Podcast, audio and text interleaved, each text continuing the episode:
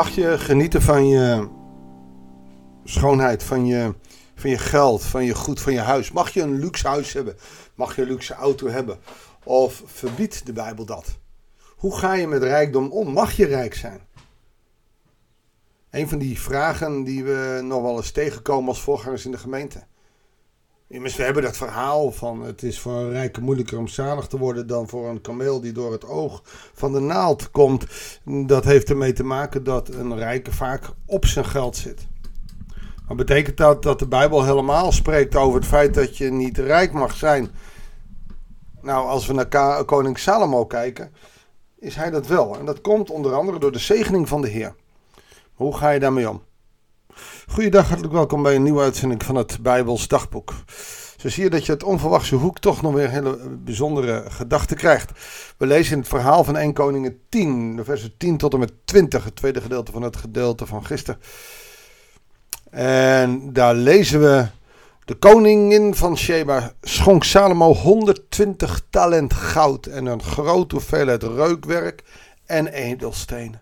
Zoveel reukwerk als de koningin van Sheba aan koning Salomo gaf, is later nooit meer aangevoerd.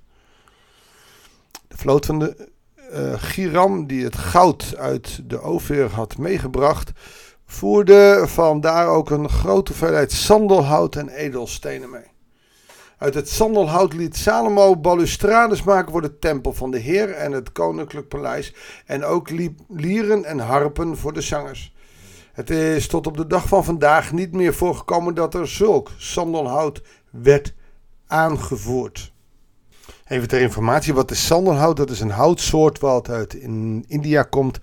Uh, Indonesië komt ook. Uh, Nederland heeft plantages gehad in Timor en Zumba waar sandelhout uh, werd gewonnen. Ehm, het komt uh, niet veel voor. Het kan ook dus niet heel veel uh, aan de vraag voldoen. Uh, je kan er hele mooie beeldjes van maken. Uh, het, is, het is een mooie hout. Het is, het is goed te bewerken. Uh, je kunt het versnipperen.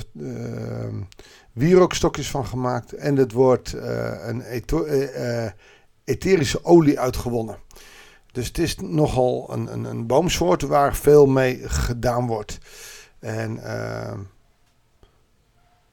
het, was dus een heel, het is nog steeds een heel bijzondere boom. Uh, die niet ontzettend veel voorkomt. En daarom was het ook zo bijzonder dat uh, Salomo die had. En daarom liet hij de balustrades van maken. En liet hij er harpen van maken. Het is dus goed hout. Uh, alleen mooi te bewerken, mooi te versieren. En niet alle hout laat zich leiden door daar een, een, mooi sierwerk van te maken. Een mooi beeld, houtwerk of wat dan ook. En, en reken ook maar dat de harpen, maar ook de balustrades voor de tempel uh, uh, niet zomaar rechte planken waren. Dat dat echt wel versierd werd. Het was dus tot op de dag van vandaag, dat het geschreven is, niet meer voorgekomen dat er zulk sandelhout werd aangevoerd. Koning Salomo gaf de koningin van Sheba de gebruikelijke koninklijke geschenken, daarbij nog eens alles wat ze verder maar vroeg. Daarna keerde ze met haar gevolg naar haar eigen land terug. Zij heeft de antwoorden. Zij wilde een soort van wereldwonder zien. En dat was Salomo. Een wijs man. Hij gebruikt zijn rijkdom ook om zijn paleis uiteindelijk uh, mooi op te sieren. Luister maar.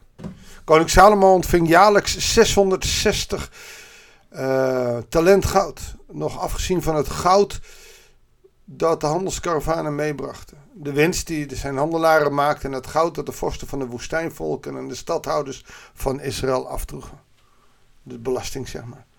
De koning liet 200 grote schilden maken van gedreven goud. Gedreven goud is wat uh, geklonken wordt en uitge... Hey, je hebt een blok uh, goud en de, de, de net zo op tot het plat wordt, zeg maar. Is gedreven goud.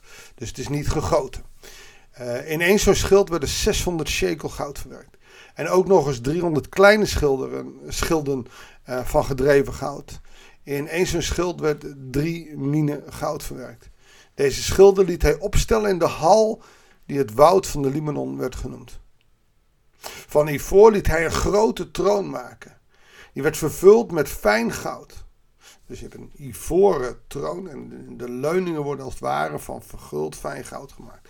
Zes treden leidden tot de troon, die aan de bovenkant een ronde hoofdsteun had en armleuning aan weerszijden van de zitting. Naast de armleuningen stonden twee leeuwen. En op de zes treden stonden twaalf leeuwen, dus zes uh, aan iedere kant. Dus veertien leeuwen. Eén aan iedere kant van de treden. En geen enkel koninkrijk was ooit zo'n troon gemaakt. Waarom zou hij dit nou doen? Want dit riekt ernaar om al je pracht en praal tentoon te stellen en te laten zien van moet je luisteren, dit ben ik, dit kan ik, dit zal ik. En daar lijkt het inderdaad ook op. En dat is geen sinds de bedoeling van Salomo. Maar hij heeft zoveel rijkdom gekregen. Waarom? Omdat hij close was met de Heere God. En hij heeft laten zien dat je ook mag genieten van je rijkdom. En dat gebruikte hij dan ook nog eens niet echt helemaal voor zichzelf. Want die koninkrijkszaal, hij moest wel op die troon zitten. Maar die koninkrijkszaal was ook te laten zien, wij zijn machtig. En wij, wij zijn niet machtig omdat dat we veel geld hebben. Maar wij zijn machtig, denk aan het getuigenis van koningin van Sheba, dat wij God aan ons zij hebben. En dan mag je genieten en dan mag je iets doen met je geld. Want aan de andere kant is er ook genoeg wat hij teruggeeft aan, aan God. Alleen al het feit dat hij uh, eerst dus die tempel gebouwd heeft voor God.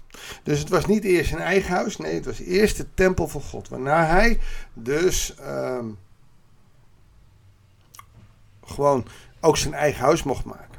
En het paleis was niet alleen voor hem, maar het zou ook voor zijn zoon zijn en voor de opvolgers. Om te laten zien, puur zijn rijkdom te laten zien. Wat God voor hem doet. Dus als jij geld hebt om te gebruiken. Als je genoeg hebt en je hebt een mooi huis. Laat dan één ding um, duidelijk zijn.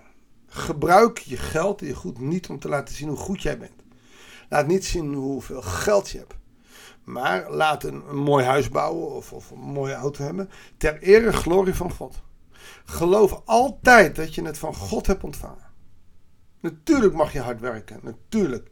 Maar dat kan dus ook betekenen dat als jij heel veel geld hebt en daar niet eerlijk aan bent gekomen en je hebt echt een oprechte relatie met de Heer Jezus, dan gaat dat stekelen. Dat gaat echt niet goed komen. Dan wordt het ter ere glorie van je eigen uh, persoonlijkheid, van je ego. Salomo doet dat niet.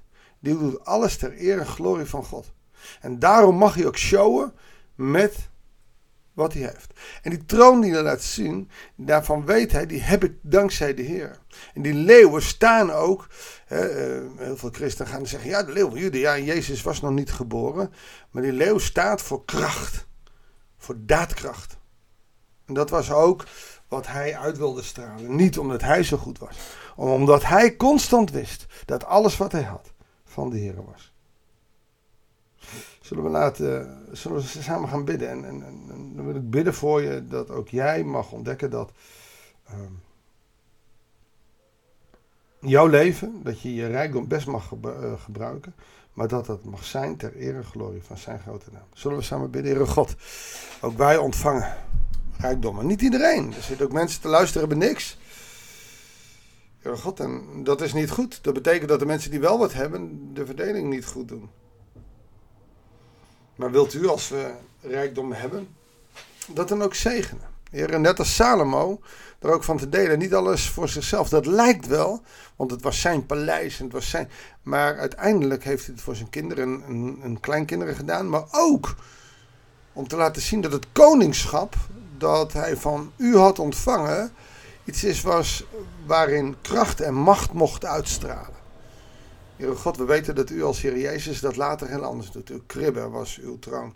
Maar toch, als mensen mogen we laten zien dat alles wat we hebben, ook al is het heel weinig, dat we dat van u ontvangen. hoe meer we daarna leven, hoe meer we uiteindelijk gezegend zullen worden. En dat is helemaal niet makkelijk. Ook voor mensen met grote schulden niet. En dan zal het niet 1, 2, 3 gebeuren. En toch, als we leven naar uw wil, als we eerlijk blijven, transparant blijven, niet met onze ellebogen werken en, aan, en ons geld eerlijk gebruiken. En Heere God, op een goede manier zoals u dat wil.